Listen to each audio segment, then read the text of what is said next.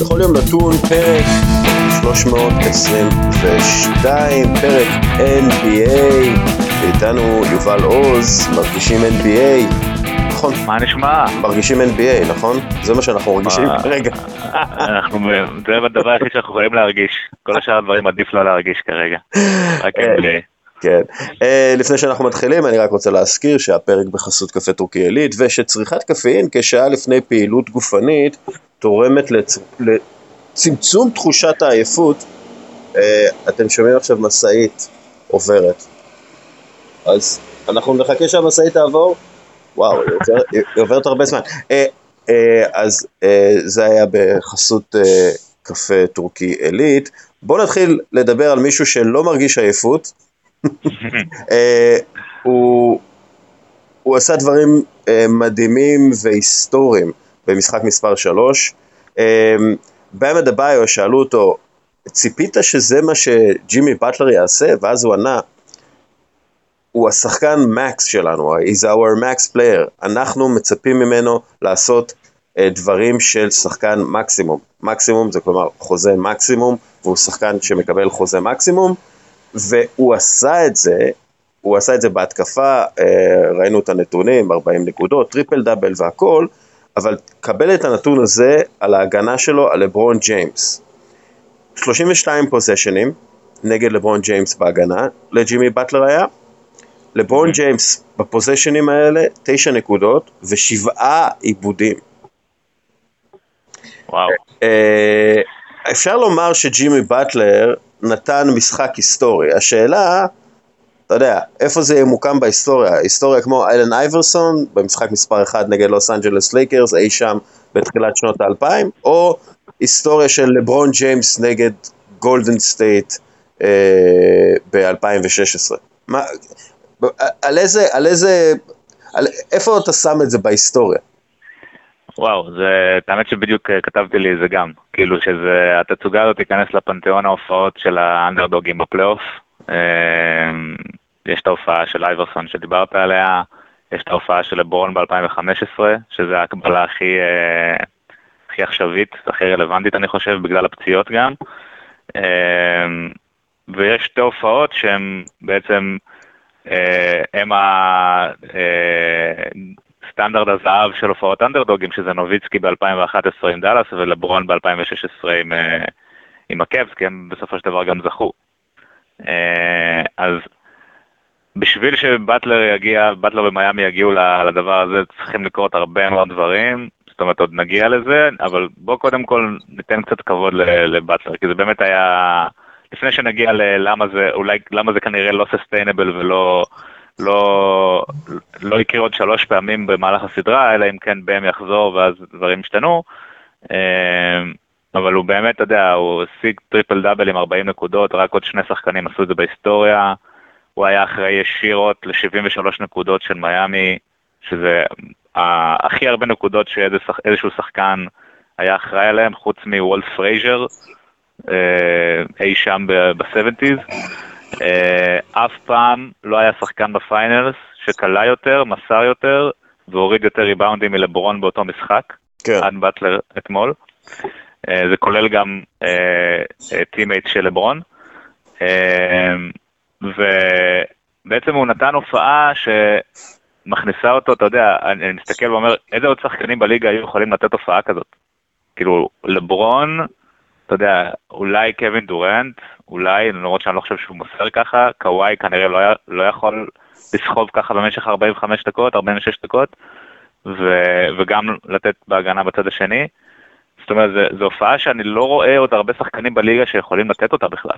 זה בטח בכמות דקות שהוא שיחק, זה, זה משהו שנראה לי, מה שאנחנו לא מדברים עליו מספיק, אבל אני שיחק 46 דקות, 45-46 דקות משחק שני רצוף, גם הגנה, גם התקפה, כל הזמן עם, עם הכדור ביד, ובאמת הופעה שאני, היא, היא תיכנס ל top five של אה, הופעות של אנדרדוגים בהיסטוריה של ה finals בעיניי. וגם על קרסול דפוק. אנחנו צריכים להזכיר שהוא עיקם את הקרסול בצורה כזאת נכון. שאנשים רגילים לא קמים והולכים אחרי זה. הוא עיקם את הקרסול רע פעמיים במהלך המשחק uh, הקודם, uh, והוא חזר אתה יודע, אני עוקב אחרי uh, ג'ימי באטלר במדיה החברתית, מן הסתם.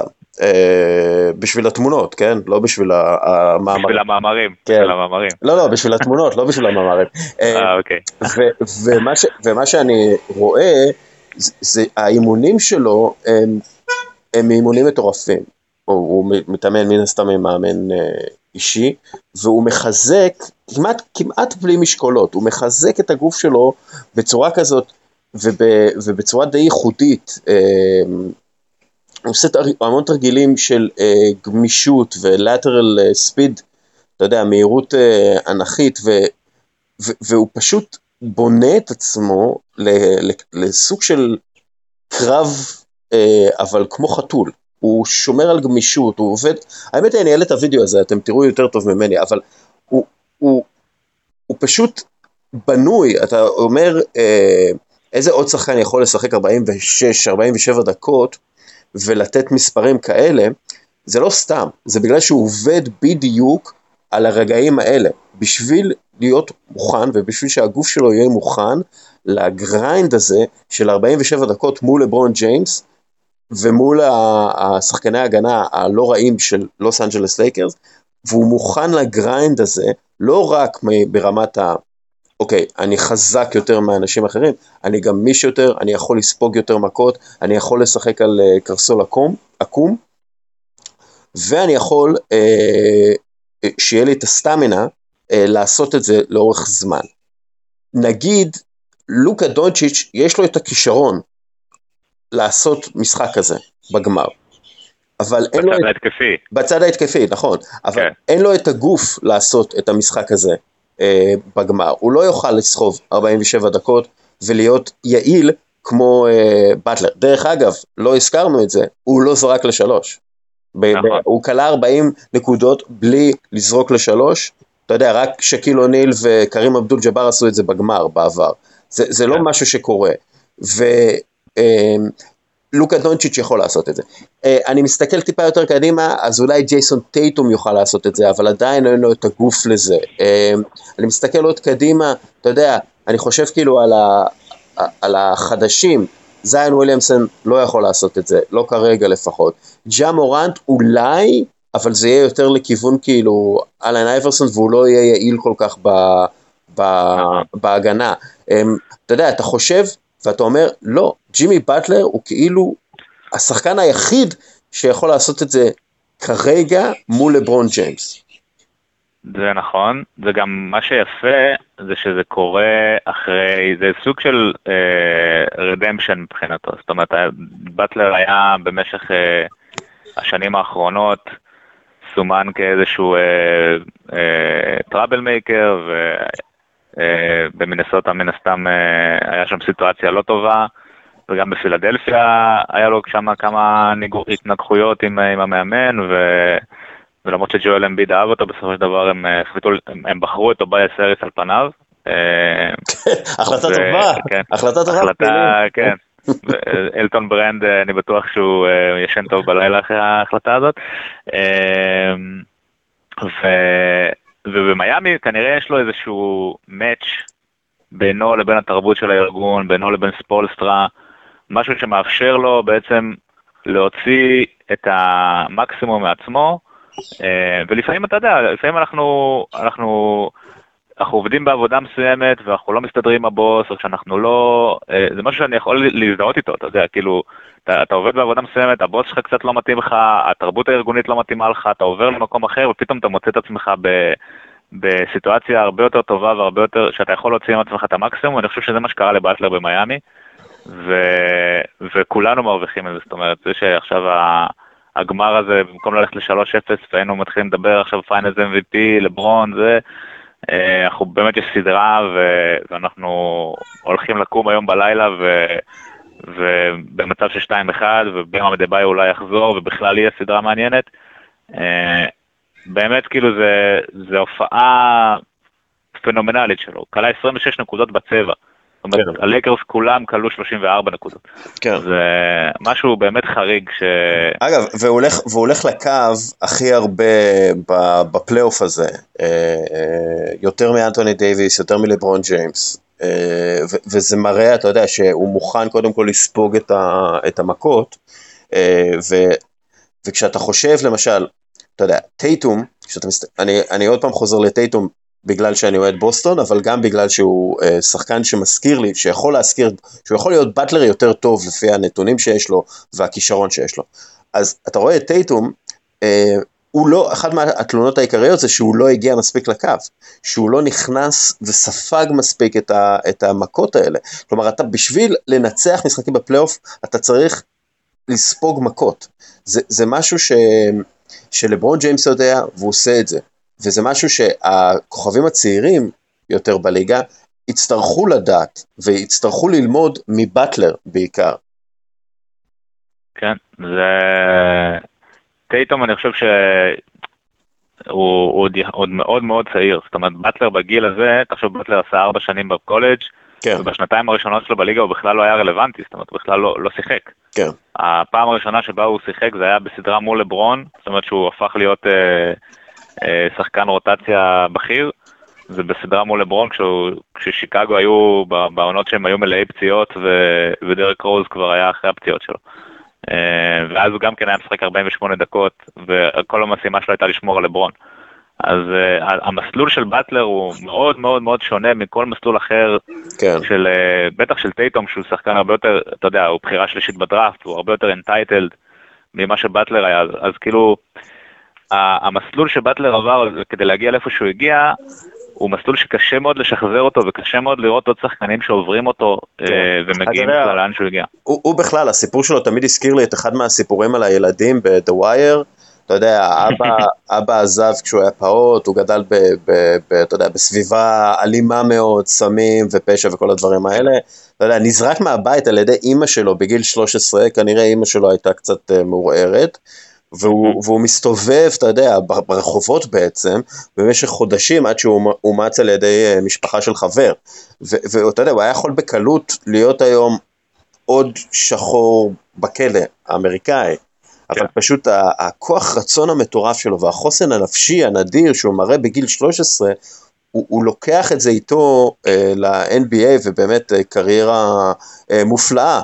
אה, כן. אגב, אה, אני, אני הרבה פעמים אומר שבפלייאוף אנליטיקס פחות משמעותי. אה, ואני אסביר את זה, ואני אסביר למה. כי אני חושב שבפלייאוף הכוח האישיותי הרבה יותר חשוב מכל דבר אנליטי נכון שאתה צריך לעשות. אה, ו, ואני חושב, למשל העניין הזה של באטלר, וזה שהוא לא זרק משלוש בכלל, זה כאילו נוגד את כל מה שאנחנו חושבים על כדורסל מודרני ב-2020. ואז כשאתה מסתכל על הנתונים, כאילו, אה, ניקח את ה-PER, אה, שזה לא הנתון האנליטי הכי מתקדם, אבל זה כן, אתה יודע, סוג של התחלה או בסיס לאנליטיקס המתקדם. איזה מקום אתה חושב שהוא בפלייאוף, ג'ימי באטלר, מבחינת PER? אני מניח שהוא לא ב top 5. הוא לא ב top 10. כן. Uh, הוא ב top, הוא, הוא מקום 12 עם 23.1, שבמקום ראשון זה דונובן מיטשל, כאילו per, per game, יאניס מקום אה, שני, אז אנטוני דייוויס ולברון ג'יימס מקום אה, שלישי רביעי, קוואי אה, חמישי וג'יימס הרדן שישי. עכשיו, ש... ואז אתה אומר לעצמך, אוקיי, אנטוני דייוויס ולברון ג'יימס הם כאילו מצדיקים לחלוטין את ה-PER, אבל דונובן מיטשל ויאניס, כאילו, על מה אתם מדברים? קוואי, ש... שהוא אכזבה גדולה בפלייאוף הזה, ג'יימס הרדן, שאתה יודע, הוא ג'יימס הרדן, כאילו, מייק קונולי מקום שמיני, סרג' איבאקה מקום תשיעי, כאילו, אתה אומר לעצמך, אוקיי, PER, אה, בואו נעשה PRP, PER בפלייאוף, ו- ונשים את האספקט האנושי הכל כך חשוב, המנהיגותי הכל כך חשוב שצריך אה, בפלייאוף, כי אנחנו מדברים על מעט מאוד משחקים, ומשחקים ש... ש... וואלאק, אני, אני מצטער על הקלישאה, אבל הביצים מנצחים והאופי מנצח, יותר מכל דבר נכון אנליטית שאתה עושה. אני חושב שזה מה שאנחנו אוהבים בפלייאוף, זה מה ש... שאתה לא יכול לכמת את המנהיגות, אתה לא יכול לכמת את החלק האישיותי הזה, וכמה ש-NBA, ספורט בכלל ו-NBA בפרט, זה ענפים שנשלטים על ידי סטטיסטיקה, ואתה יודע, מילווקי נגיד היא הדוגמה המובילה לזה, שזו קבוצה שנבנתה סביב מודלים סטטיסטיים, כאילו סביב למצוא יתרונות יחסיים אה, שהמספרים אומרים לה, לה, להשתמש בהם. כן. ו, ובפלייאוף, במדגם קטן, ב, בסיטואציה כזאת, זה, זה, זה, לא, זה לאו דווקא עובד, ואז, ואז אתה נמדד, כי אתה, אתה צריך לעשות התאמות ואתה צריך לעשות שינויים, ובמילווקי נגיד לא עשו את זה, ומיאמי מאוד מאוד כן יש להם את זה. וזה למה אנחנו כל כך אוהבים את הפלייאוף, כאילו אני לפחות חושב שהפלייאוף הוא התסריט ספורט המושלם, זאת אומרת סדרה שיש בה בעיית מצ'אפ, זה הדבר, אחד הכיפים שיש בספורט בעיניי, כי, כי אז אתה מגלה בעצם את ה... כשהגלים, כשיש את המשפט המפגר הזה בצבא, שהגלים מתחזקים, החזקים מתגלים. זה, זה בדיוק זה, זה, אתה פתאום רואה ששחקן כמו ג'ימי באטלר שגם אה, הוא, המשחק שלו הוא לא flashy, זאת אומרת המשחק שלו הוא לא, הוא לא משחק ש, שהליגה גם רוצה לקדם, אתה מבין? הוא, הוא לא מטביע כמעט, הוא לא זורק שלשות, הוא לא, אה, הוא, הוא כאילו הוא גם לא, אין איזה משהו אחד שאתה אומר, זה ג'ימי באטלר הכי טוב בליגה בזה. זאת אומרת אין, אין שום skill, skill שג'ימי באטלר הוא הכי טוב בו. כן. הוא פשוט טוב בהרבה מאוד דברים, והכוח רצון שלו אה, לוקח אותו לרמה, לרמה שראינו ב, ב, אתמול בלילה, שלשום בלילה, ו, ואני כאילו תמיד מתאר את ג'ימי באטלר כי יש לי מלא מלא חברים, אתה יודע, שמכירים עשרה שחקנים ב-NBA. שאני בטוח שגם לך יש מלא אנשים, אתה יודע, שמכירים את uh, לוקה ומכירים את, uh, את לברון ואנטוני דייוויס ו, וסטף קרי וזה, ואז אתה אומר להם, ואז הם שואלים למי יש את מיאמי, ואתה אומר להם ג'ימי באטלר. ואז הם אומרים, מה, אני לא מכיר אותו. אומר, כי הוא בדיוק השחקן ה-11. אתה מכיר עשרה שחקנים, כן. הוא השחקן ה-11. שאתה אף פעם לא תכיר. ו... ואני חושב שזה גם שיעור קצת לליגה, אתה יודע, שאנחנו, ולנו כאוהדים, שאנחנו אוהבים תמיד uh, להסתכל על ה... עכשיו כולנו מסתכלים על לוקה ועל זיון, כי תמיד אנחנו הולכים אחרי ה... מי הבא בתור וה... ו... וזה, וג'ימי באטלר הוא... הוא היה פה כל הזמן הזה. זאת אומרת, פתאום עכשיו אנחנו מגלים אותו מחדש, שזה ממש ממש נחמד. כן, כן. אמ, טוב, אנחנו לא נדבר הרבה על המשחק שיהיה הלילה, אה, כי אין, אנחנו, אנחנו לא יודעים מה אמור לקרות שם. אה, אבל אפשר לדבר על האם, בסופו של דבר, האם, האם תהיה לזה השפעה על המשך הסדרה, על ההופעה המשוגעת הזו של באטלר. זהו, זה, זה, זה השאלה היחידה. אמ, אני לא הייתי אומר שזה מיותר אם הם מפסידים את זה 4-1, כן? אבל... הוא לא יוכל, כמו שאמרת, זה, זה לא סוסטיינבל, זה לא משהו שהוא יוכל לעשות בלי באטלר ובלי גורן דרגיץ', שדרך אגב, אפרופו מנהיגות, ואתה יודע, השחקנים לא פלאשי, אה, שאף אחד לא מכיר, גורן דרגיץ' לפי דעתי הוא המספר אחד בזה, אולי אפילו יותר מג'ימי, אה, אבל אה, מיאמי לא. כאילו, עם כל הכבוד למיאמי, ומה שנקרא, יש הרבה כבוד, מיאמי לא הולכת לנצח את זה בלי באם אדבאיו. אם כן, זה יהיה באמת, אתה יודע, משהו שאף פעם לא קרה. כן, בוא, בוא נעשה גם אה, רגע סדר. מיאמי היו צריכים ערב מושלם של באטלר, ממש מושלם, את אנטוני דייוויס בבעיית עבירות ומחוץ למשחק לאורך כל המשחק, ואת הלייקרס זה משחק מאוד מאוד מפוזר.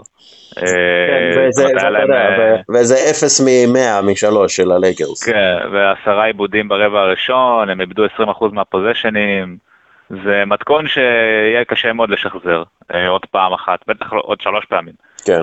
אה, אז יכול להיות שאם במה דה ביו חוזר, לך תדע איך הוא חוזר גם, כאילו הוא לא שיחק עכשיו איזה שבוע.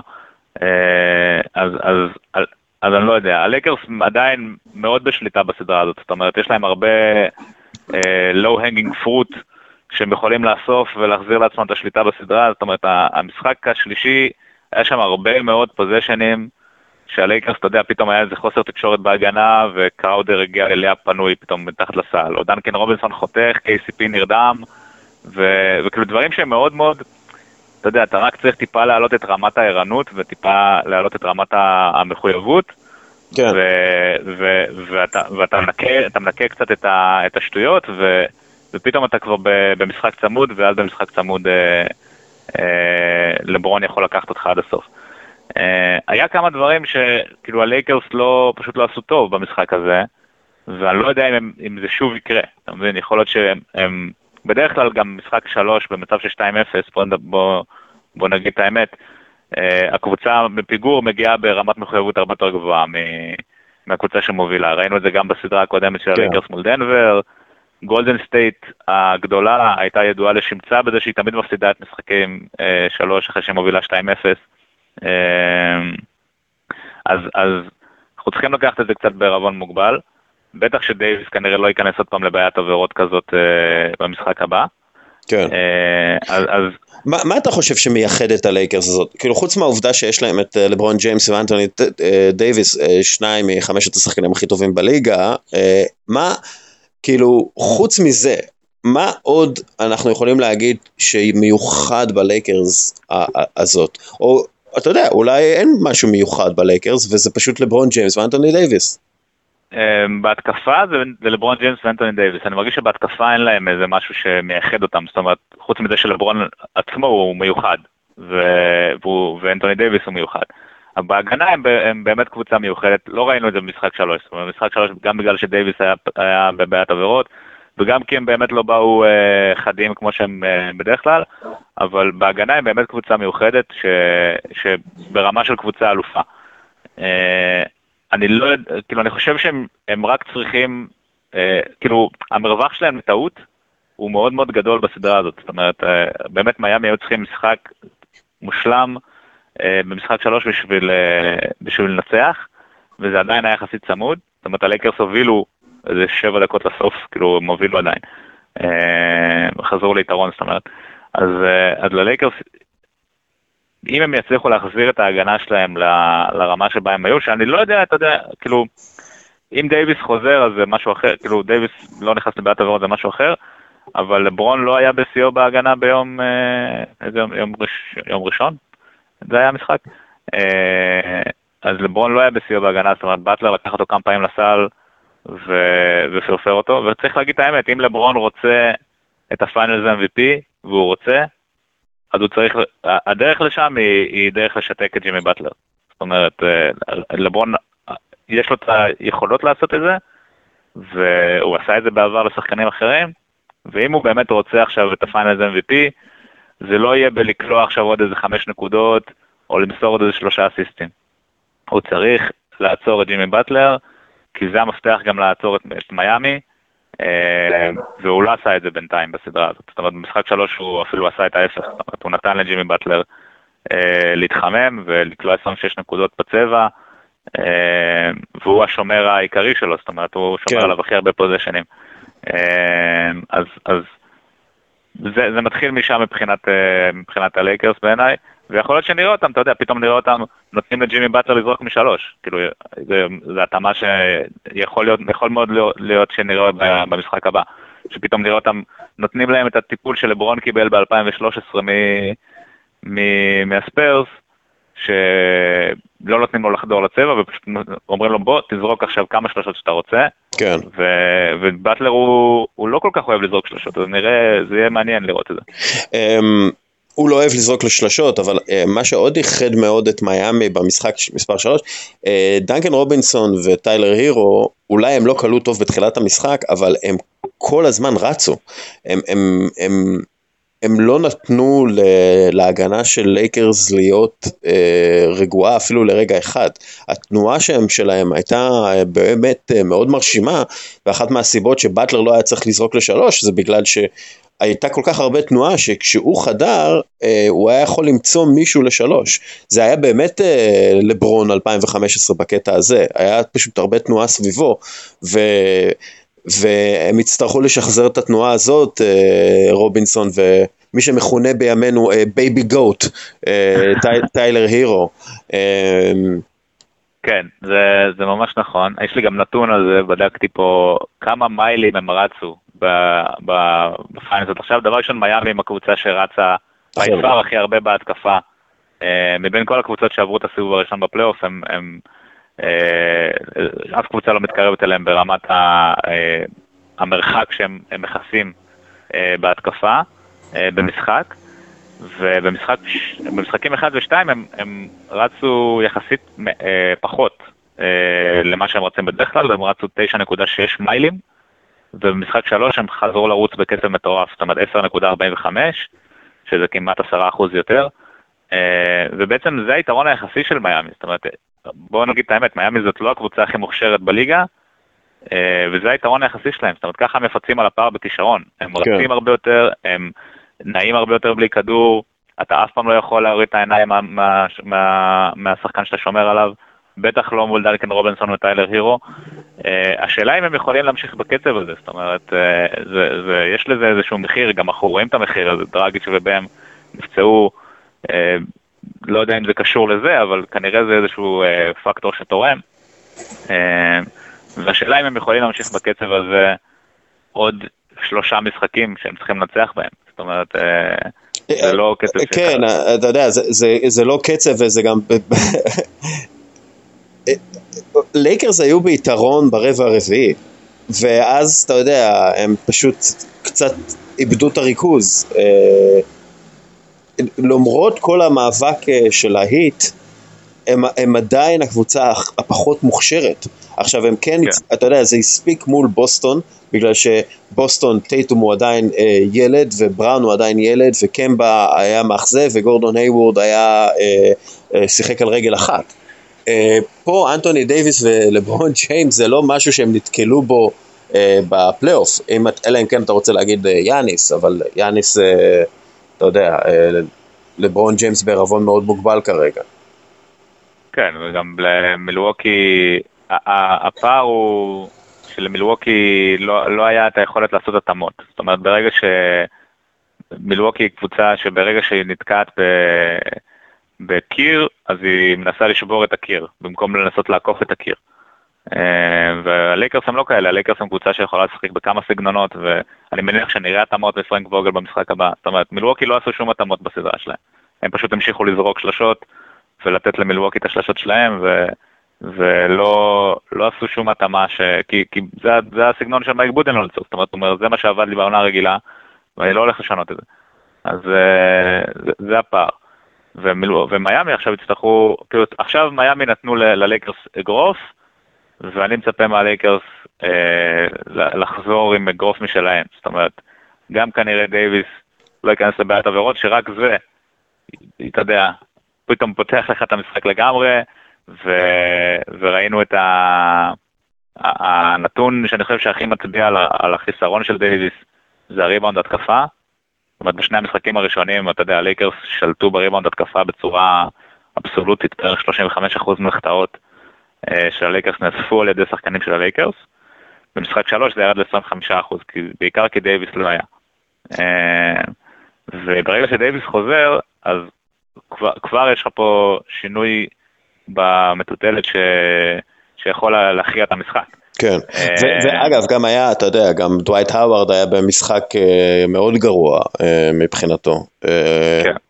אז, אז כאילו שני הגבוהים של הלייקרס לא תפקדו, ומה שמייחד את הלייקרס זה, זה ה big ball שהם משחקים, הם פשוט משחקים, הם הרבה יותר גדולים מהיריבים בדרך כלל, וברגע שהולך היתרון הזה, אז הם תלויים בקולדוול פופ וגופתו של דני גרין, וזה לא בטוח הדבר הכי נכון לעשות. שזה, האמת, זה, זה דיון מעניין, כי אה, אני כאילו חושב שכל עוד אה, מאיירס לאונרד משחק וקלי אוליניק משחק, אז להאוורד באמת אין מה, כאילו כל עוד אה, מיאמי משחקים עם גבוהים שהם אה, stretch, אז אין להאוורד כל כך מה, מה לתרום. אבל אם, אם באם חוזר, אז כאילו דווקא האוורד כן יכול פתאום למצוא את עצמו ב, על המגרש יותר, אז זה קצת פרדוקס מבחינת מיאמי, כי באם אמור כשבאם חוזר זה אמור לשפר אותם, אבל מצד שני זה נותן ללייקרס אפשרות לשחק עם הרווארד יותר, שהרווארד נראה אה, דומיננטי יחסית בשני המשחקים הראשונים, וזה כאילו ה, הנקודה, הפרדוקס מבחינת מיאמי, זאת אומרת, האם, האם בהם חוזר זה טוב או לא טוב. כן. ובטח שלא ברור באיזה רמה הוא חוזר. כן. אה, אז זה, זה כאילו משהו שהוא קצת... אה, מצד אחד אני מאוד מתרגש לזה שדרגו אותו עכשיו ל-questionable, אני מאמין שהוא ישחק. הוא day to day, אגב אני לא בטוח שהוא ישחק, זה, זה פציעת אה, צוואר ופציעות אה, צוואר זה משהו שאתה צריך להיזהר בו, בטח אם אתה בונה על בם אה, את העתיד שלך. אתה לא רוצה ש, שזה יגיע למצב של פציעת צוואר כרונית, ולכן אני לא בטוח ש, שהם ימהרו לשחק איתו. זה, זה. מה שאני, חושב. אמ, כן, זה, זה, זה תמיד ההתלבטות בין הטווח הקצר לטווח הארוך, אתה יודע, אתה מצד אחד אתה משחק בשביל לקחת אליפויות ואתה רוצה, אתה רוצה שהוא ישחק בשביל שתוכלו, לתת לך הזדמנות לקחת אליפות, מצד שני אתה לא רוצה לסכן אותו כדי לא לסכן אולי את האליפויות שיהיו בעתיד. כן, או, או אה, אתה יודע, לסכן franchise player, אה, כי למשל כן. קווין מקהייל שיחק על אה, רגל שבורה. אה, והוא לא חזר להיות אותו קווין מקל, הוא לא, הוא לא הצליח ללכת אחר כך כמו שצריך, הוא לא הצליח לקפוץ כמו שצריך, אה, ועד היום הוא צולע. אז הפציעות האלה, אתה יודע, וזה בצוואר, זה לא רגל, אה, וזה לא גם אחרי קריירה ארוכה כפי שהייתה לקווין מקל. אז, אז צריך משנה זהירות עם זה תמיד. ואני אגיד לך עוד משהו, אני חושב שכמה שזה מוזר, מיאמי לא הייתה מנצחת בלי עוד יום גדול בהיסטוריה של אה, קלי. אה, אתה יודע, זה, זה מדהים, השחקן הזה הוא, הוא פעם ניצח משחק עבור בוסטון נגד וויזרדס בפלייאוף. ב game 7. הוא, אתה יודע, זה, הוא קלע איזה 27 נקודות, 30 נקודות, אני לא זוכר כבר כמה, אבל יש את, ה, יש את הרגעים האלה, ו, ואני גם כן לא בטוח שזה sustainable לאורך זמן. אה, הכל הלך לו, אפילו הזריקה הזאת שפגעה בטבעת ואיכשהו נכנסה, uh, הכל הלך, אז, um, אז בהחלט אני, אני מצפה שהלייקרס ינצחו, אבל אם uh, מיאמי תנצח, uh, זה, זה ממש, uh, אתה יודע, זה הולך כן. uh, להיות uh, היסטורי בקטע הזה, ו, ולברון יתחיל להיכנס ללחץ, יהיה, יהיה מגניב, יהיה מגניב אם uh, מיאמי תנצח. כן, נתון על קלי אוליניק לפי ESPN Stats and Info, הוא כלה 41 נקודות בשני המשחקים האחרונים, ב-30 שנה האחרונות רק שחקן אחד קלע יותר מהספסל בשני משחקים עוקבים ב finals, זה ג'ייסון טרי ב-2011. ו... ש... אגב, אתה, אתה התחלת להשוות אה, את אה, נוביצקי לבטלר, ובקטע הזה, כן. גם כן מול, אה, אתה יודע, שני כוכבי, כוכבי ענק, דוויין וייד ולברון ג'יימס, שניים מהשחקנים הכי טובים ב- בליגה באותו זמן, עם, אה, עם קריס בוש בתפקיד דווייט האווארד, ו, ו, ונוביצקי אה, בעצם חוזר לסדרה בזכות ג'ייסון טרי. אז. בין היתר, בין היתר, היה שם מאמץ uh, אדיר של כולם, זאת אומרת ג'יי ג'יי בריאה נתן שם סדרה מטורפת, אבל אני חושב שזה כאילו השוואה קצת לא הוגנת, כי uh, לברון של עכשיו, זאת אומרת בסדרה הזאת היה צורך, היה צורך גם בקריסה מנטלית של לברון ב-2011. כן. ולברון כלה 17 נקודות, אני חושב, בממוצע בסדרה הזאת, והוא היה נראה לא, לא טוב. זאת אומרת, זו הסדרה באמת שאני חושב שאתה יודע, כשנעשה את הסיכומים של הקריירה של לברון, וכל ההשוואות וכל הדברים, זה תמיד יהיה הסדרה שאנחנו נחזור אליה ו- ונגיד שהיא הסיבה שבעצם לברון אף פעם לא, לא יהיה הכי טוב. אה, הוא כאילו במקסימום יהיה השני הכי טוב. ואני לא, רואה, לא רואה את זה קורה עכשיו, זאת אומרת, אני לא, אני לא רואה את זה, איזושהי קריסה כזאת שקורית לו או לדייוויס אה, בשלושה משחקים הקרובים, בשלושה ארבעה משחקים הקרובים. אה, ואני כן, אני רוצה לחזור רגע לנקודה שדיברנו על האוורד מקודם, שאם האוורד יוצא זה כאילו קצת משלם את המשחק, אני חושב שללייקרס, אה, אני חושב שזה קצת, אה, יש פה, יש פה דיון, כי כשהאוורד יוצא הם בעצם עוברים לשחק בהרכב נמוך, זאת אומרת... נמוך, אתה יודע, נמוך כן. יחסית אליהם, כן. כן, עם שבדרך כלל גם דייוויס על הספסל ואז עם מרקיס מוריס כסנטר, וזה הופך להיות הרבה יותר לברון של 2015 אה, עם בקאבס, זה ב-2018 אם תרצה, ש... שהוא משחק פשוט עם עוד ארבעה אנשים ו... ומריץ pick and roll ים. אני חושב שבמשחק מספר 3 הוא, הוא קצת היה לא אסרטיבי מספיק, זאת אומרת הוא לא תקף מהר את ה... זאת אומרת מה שמיאמי עשו, בוא נדבר רגע קצת Xs and Os. אה, מה שהם עשו במשחק מספר 3 זה שהם שינו את ההגנה שלהם ב pick and roll, זאת אומרת הם לא עשו חילופים יותר, אלא רק עשו show. זאת אומרת, אה, כן. שטיילר הירו, דנקן רובינסון כאילו עלו כאילו הם הולכים לעשות חילוף ואז חזרו חזרה למשימה שלהם. ואז באטלר חזר לשמור עליו.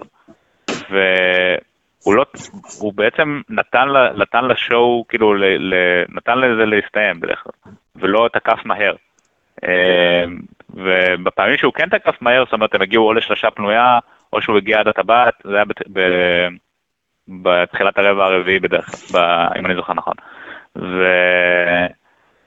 ויהיה מעניין לראות במשחק הבא, האם הוא ישנה קצת את האסטרטגיה שלו, זאת אומרת, האם הוא יתקוף מהר יותר אה, בשביל להשיג את היתרון, או שהוא יחזור להיות לברון, ימשיך להיות לברון, אתה יודע, שמכדרר, מכדרר, מכדרר, מחפש את ה... אתה יודע, בצורה כזאת כמו מנתח קליני, מחכה למצוא את הפרצה, ולפעמים זה, זה מגיע למצב שבו קייל קוזמה צריך לזרוק איזה זריקה, או דני גרין צריך לזרוק איזה זריקה, שדני גרין לא, לא קלה זריקה בערך מ-2007. כן. ו...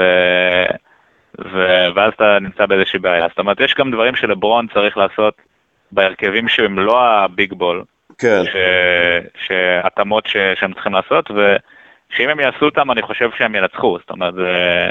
אה, אה, גם, זה... אבל גם צריך אה, לזכור ש, שהלייקרס נתנו הופעה היסטורית בקטע שלילי מהשלוש, בשני משחקים האחרונים שלהם.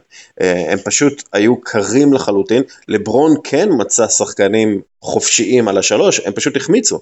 גם קולדוול כן. פופ, גם גרין, גם קוזמה. אתה יודע, אפילו רונדו הפך לקלע שלוש יותר יעיל מגרין וקולדוול פופ, ו- ואם רונדו הוא קלע שלוש יותר יעיל מהחבר'ה האלה, אז זה בעיה. אה, אז... אה, זהו, זה בדיוק מה שבאתי לשאול אותך, כאילו, כמה אתה יכול לסמוך על קולדוול פופ, שזאת פעם ראשונה שלו ב Finals, על דני גרין, דני גרין הוא אכזבה, זאת אומרת, דני גרין, גם יש דיבור שהוא אולי קצת פצוע, אבל, אה, אבל דני גרין זה מישהו שאתה אמור לסמוך עליו ב... במצבים האלה, כי הוא כבר היה ב Finals והוא הוכיח שהוא יודע לקלוע אה, שלושות ב Finals, היה לו איזו תקופה שהוא שבר את השיאים של השלושות ב Finals בספרס, ו... והוא באמת אכזבה, אבל קולדוול פופ, אתה אומר, זו פעם ראשונה שלו ב Finals, אני לא יודע כמה, כמה אפשר לסמוך עליו. ובסופו של דבר אני חושב שאם הלייקרס ינצחו זה יהיה חייב להיות על הגב של לברון ועל הגב של דייוויס, כי בהתקפה אין להם באמת משהו אחר. זאת אומרת, ראינו את זה במשחק שלוש, הם נראו הם נראו תקועים, זאת אומרת, הם לא, הם נעו הרבה פחות בהתקפה, הם, הם, הם, יש לי את הנתון הזה פה איפשהו, שנמצא אותו עוד, עוד איזה כמה שניות, אה, הם בעצם רצו הרבה פחות אה, ביחס למה שהם עשו במשחקים קודמים, הם נעו בלי כדור והם הפכו להיות הקבוצה הזאת ש, שתקועה ב... כמו, כמו שהם נראו ב seeding games, כמו שהם נראו לפני הפלייאוף, כן, בבועה לפני כן, הפלייאוף, כן, שכל דבר בהתקפה הולך להם קשה. זאת אומרת, במשחק, הנה מצאתי את זה, במשחק, ה... בשני המשחקים הראשונים הם רצו 9.14 אה, מיילים, במשחק השלישי רק 8.7. אה, וזה הוביל לפחות מסירות, לפחות זריקות פנויות, הם, היה להם רק 49 אסיסטים פוטנציאליים במשחק 3 לעומת 60 אה, במשחקים 1 ו-2. ואתה אומר, זה, זה פשוט דברים שהם יחסית פשוטים לתיקון, זאת אומרת, תנו יותר בהתקפה, תהיו יותר מחויבים בהגנה. לברון, תתקף יותר מהר כשעושים עליך שואו. דייוויס אל תיכנס לבעיית עבירות. זאת אומרת, זה דברים שהם הם יחסית פשוטים לתיקון, אתה אומר, אוקיי, אז גם אם באטלר ייתן עוד תצוגה כזאת, כל עוד הלייקרס יעשו את הדברים האלה, כנראה הם ינצחו ו... וזה יותר סדרה שלהם להפסיד כן. אה, משל מיאמי לנצח. כן, אה, וכולם מחכים למשחק אלכס קרוסו. אה, אתה יודע, ג'ימי באטלר קלע 40 נקודות אה, בטריפל דאבל, אלכס קרוסו יכול לעשות את זה גם, אה, אוקיי? בוא, בוא נחכה לזה. אמ, בוא קצת נדבר, לפני שאנחנו נסיים, בוא קצת נדבר על לאן הולכת הליגה, כי בזמן שב-NBA אה, מקיימים את, ה... את, ה... את, את הגמר, יש אה, גם אה, משחקים ב-MLB ומשחקים ב-NFL, ו... ולכן דרך אגב גם הרייטינג לא הכי גבוה, אבל הרמת העניין בליגה היא פשוט באמת חסרת תקדים, אני לא זוכר כל כך הרבה עניין בליגה, גם ברשתות החברתיות וגם בכלל. עולמי, גלובלי, whatever, אתה יודע, מומחים אה, לשיווק אה, ימדדו את זה ויראו אה, שהרייטינג כיום פחות רלוונטי לדברים האלה, אבל לאן אתה רואה את הליגה הולכת, אה, מדובר על זה שהם מקווים כבר אה, להתחיל בדצמבר, אני לא רואה את זה קורה, אולי בינואר, גם כן לא רואה את זה קורה, אני חושב שזה יתחיל יותר לכיוון אה, פברואר-מרץ, ורק, ויצליחו להכניס כמה אוהדים ל... למגרשים, תלוי ברמת החולי בכל שוק, אבל לא נדבר על זה, נדבר על, על הקבוצות, כי למשל פילדלפיה, עכשיו דוק ריברס מגיע לפילדלפיה, אה, ברוקלין, נטס, אה, קווין דורנט חוזר ו, ויש שם איזה אחד קוראים אותו קיירי, שהוא גם כן אה, סבבה, הגיע מהצד השני של כדור הארץ, אה, והוא לא הלך בעיגול בשביל זה. אה, הלייקרס, אתה יודע, אני מתאר לעצמי שהם יישארו אותו דבר פחות או יותר, אבל כבר מדברים עכשיו על זה שהם מחפשים אה, למצוא איזה מישהו שיצטרף צלע שלישית. אה, אתה יודע, גולדן סטייט חוזרת להיות גולדן סטייט, יש דראפט עם אה, ישראלי בכיר מאוד. מה, מה, מה, לאן אתה חושב שה... בוא נשאל את זה ככה. מה, מה, הסיפור, מה הסיפורים הכי גדולים מבחינתך של מה שקורה עכשיו ב-NBA? אז, אז בוא נחלק את זה לשניים. אחד, זה כל הסיפור של קורונה ו, ומתי הליגה תתחיל והכל, שאני באמת לא יודע מה, מה הולך להיות שם, זאת אומרת, זה מאוד מאוד תלוי. באיך דברים יתקדמו בחודשים הקרובים, והפתרון שאני חושב שהוא הכי סביר, זה אם, אם, אם יתחילו לפתח אה, בדיקה שהיא מחזירה תשובה מהר, ואז אה, יהיה אפשר להכניס קהל למגרשים, זאת אומרת, תהיה בדיקה לכל האנשים שנכנסים למגרש, וזו בדיקה שלוקחת עשר דקות נגיד, אז כולם באים עשר דקות קודם, עושים בדיקה, ו... ואז אתה יודע שכולם שתילים לקורונה בתוך הקהל. אה, זה פתרון אחד שאני מניח שזה הפתרון האידיאלי כרגע, אבל אני לא יודע כמה הוא ישים וכמה בסוף צריך לייצר פה מיליונים על גבי מיליונים של בדיקות, שזה תהליך שלוקח זמן. אז uh, לפתוח בדצמבר בלי באבל זה נראה לי אופטימי. Uh, אני לא יודע מה, מה יהיה עם זה. זאת אומרת, זה, זה כאילו ה, בסוף הענן ש, שעוטף את הכל. בתוך הענן הזה, הסיפורים שהכי מעניינים אותי, הגולדן סטייט זה הדבר שהכי מעניין אותי. כאילו גולדן סטייט זאת קבוצה שאתה יודע, כבר שכחנו, אבל היא הייתה השושלת של העשור האחרון, זאת אומרת, חמש, חמש שנים ברציפות להגיע ל Finals, והבסיס של הקבוצה הזאת עדיין שם, זאת אומרת דורנט לא שם ואיגודלה לא שם, אבל סטף וקליי ודריימונד שם, ויש להם גם את ויגנס ויהיה להם גם בחירת דראפט גבוהה, והם בטוח יעשו איזשהו מהלך אה, אה, שיחזק אותם עוד.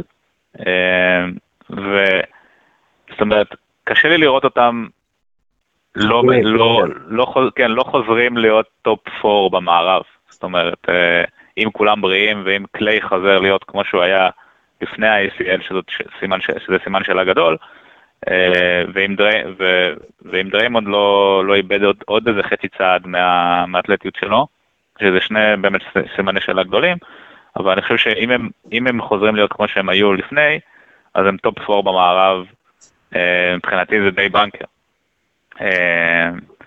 ו... ואז יש לך את כל ה... יש לך את הלייקרס שימשיכו להיות, כאילו, הם, אין להם כל כך גמישות, הם יכולים להביא עוד איזה שחקן ב mid-level exception, אבל... אה, והם כנראה החתימו את דייוויס על, אה, על חוזה מקסימום, אז לא יהיה להם יותר מדי כסף להביא. אה, אז, אז כאילו, זה, מה שיש היום זה כנראה מה שיש שנה הבאה, אולי עם עוד איזה שפצורים, אתה יודע, בשוליים.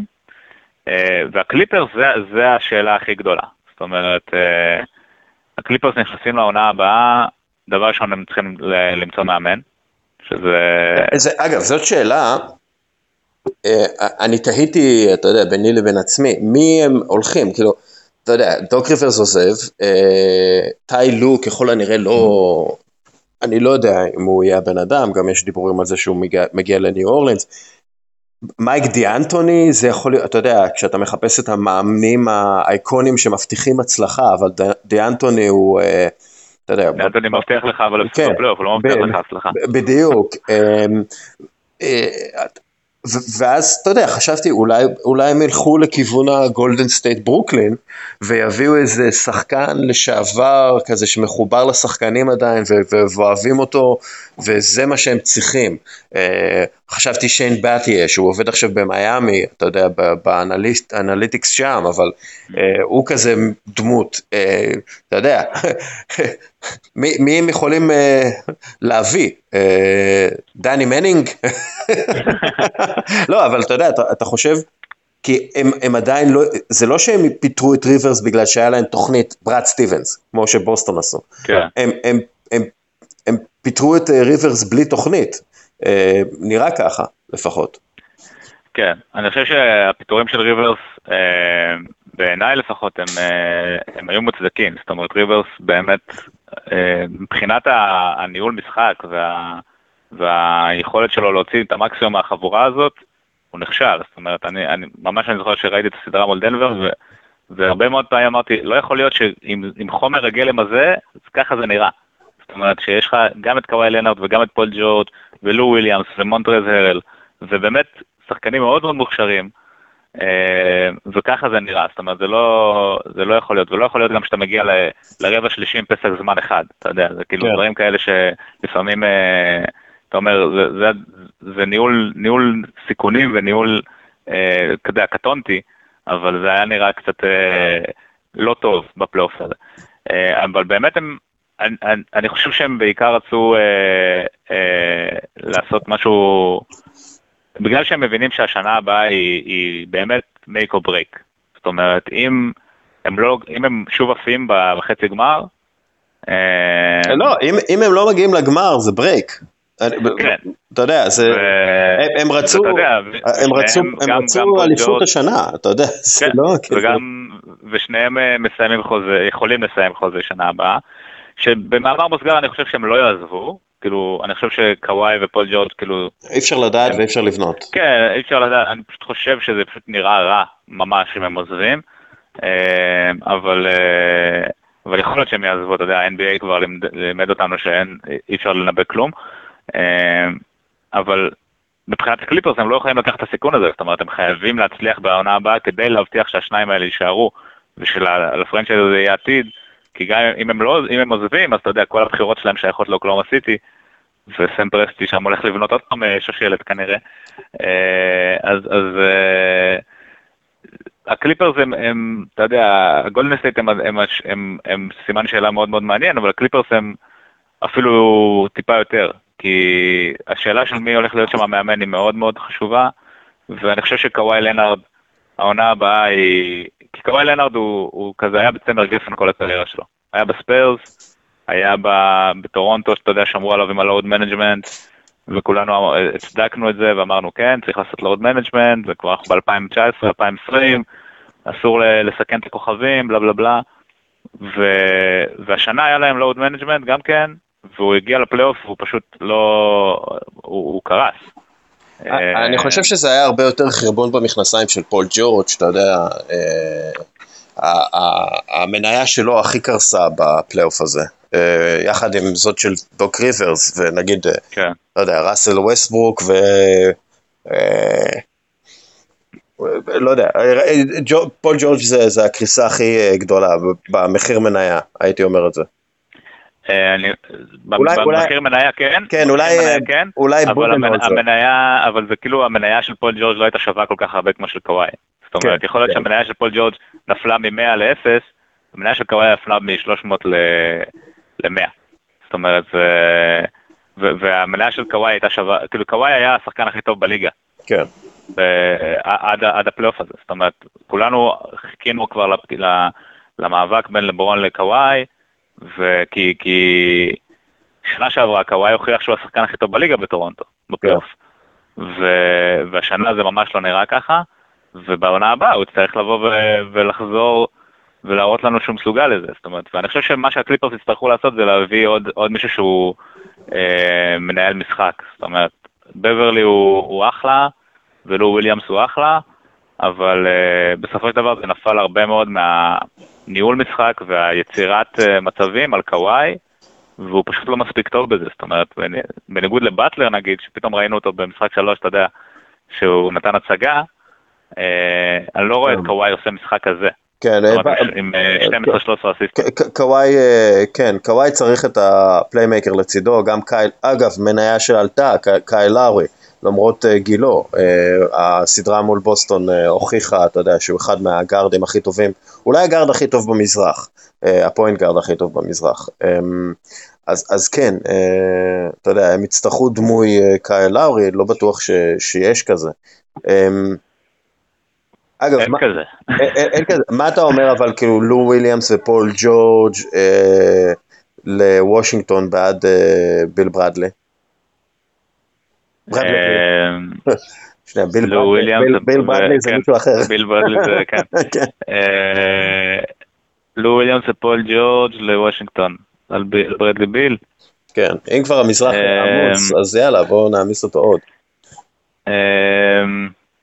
נשמע לכאורה הגיוני.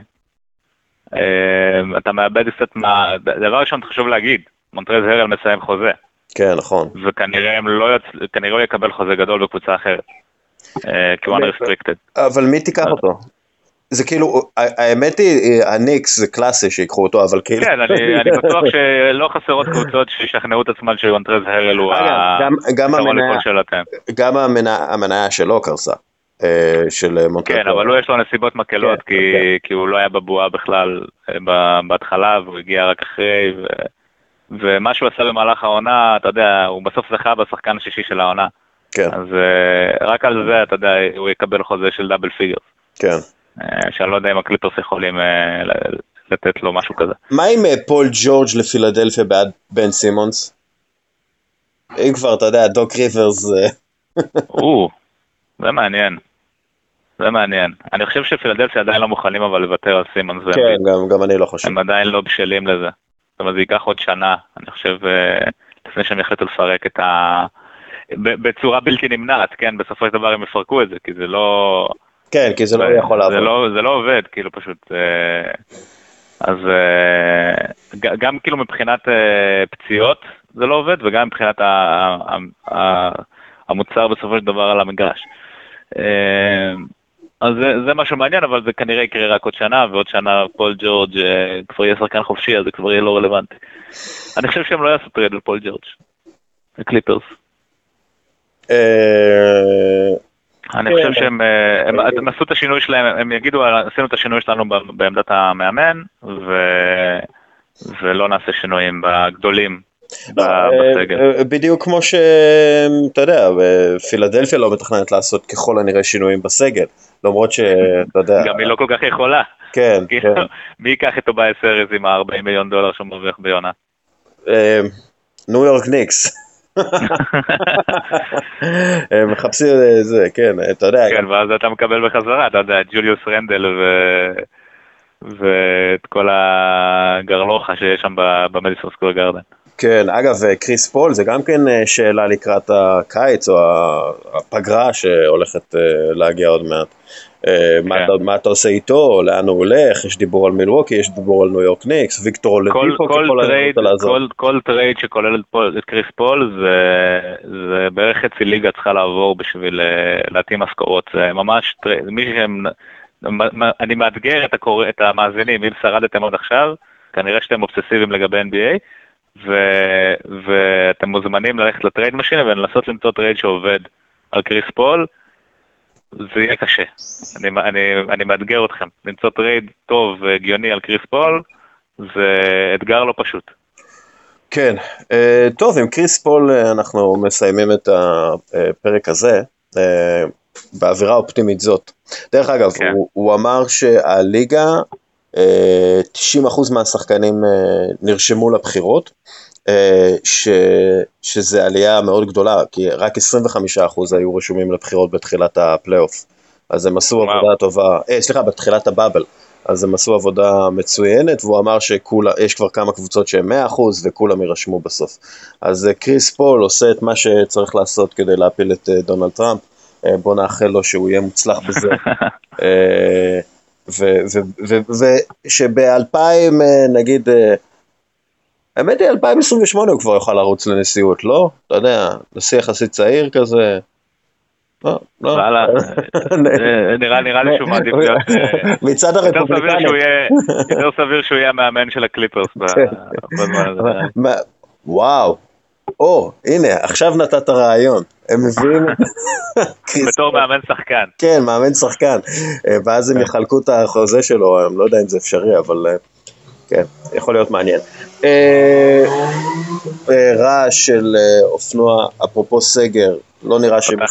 פתחנו עם- כן. משאית וסיימנו עם אופנוע. כן, ואני אני הייתי צריך לעבור פנימה בגלל שהיה מכונת רעש. בטח שומעים עכשיו מלא רעש פשוט, זה, מה שהמאזינים שומעים כרגע.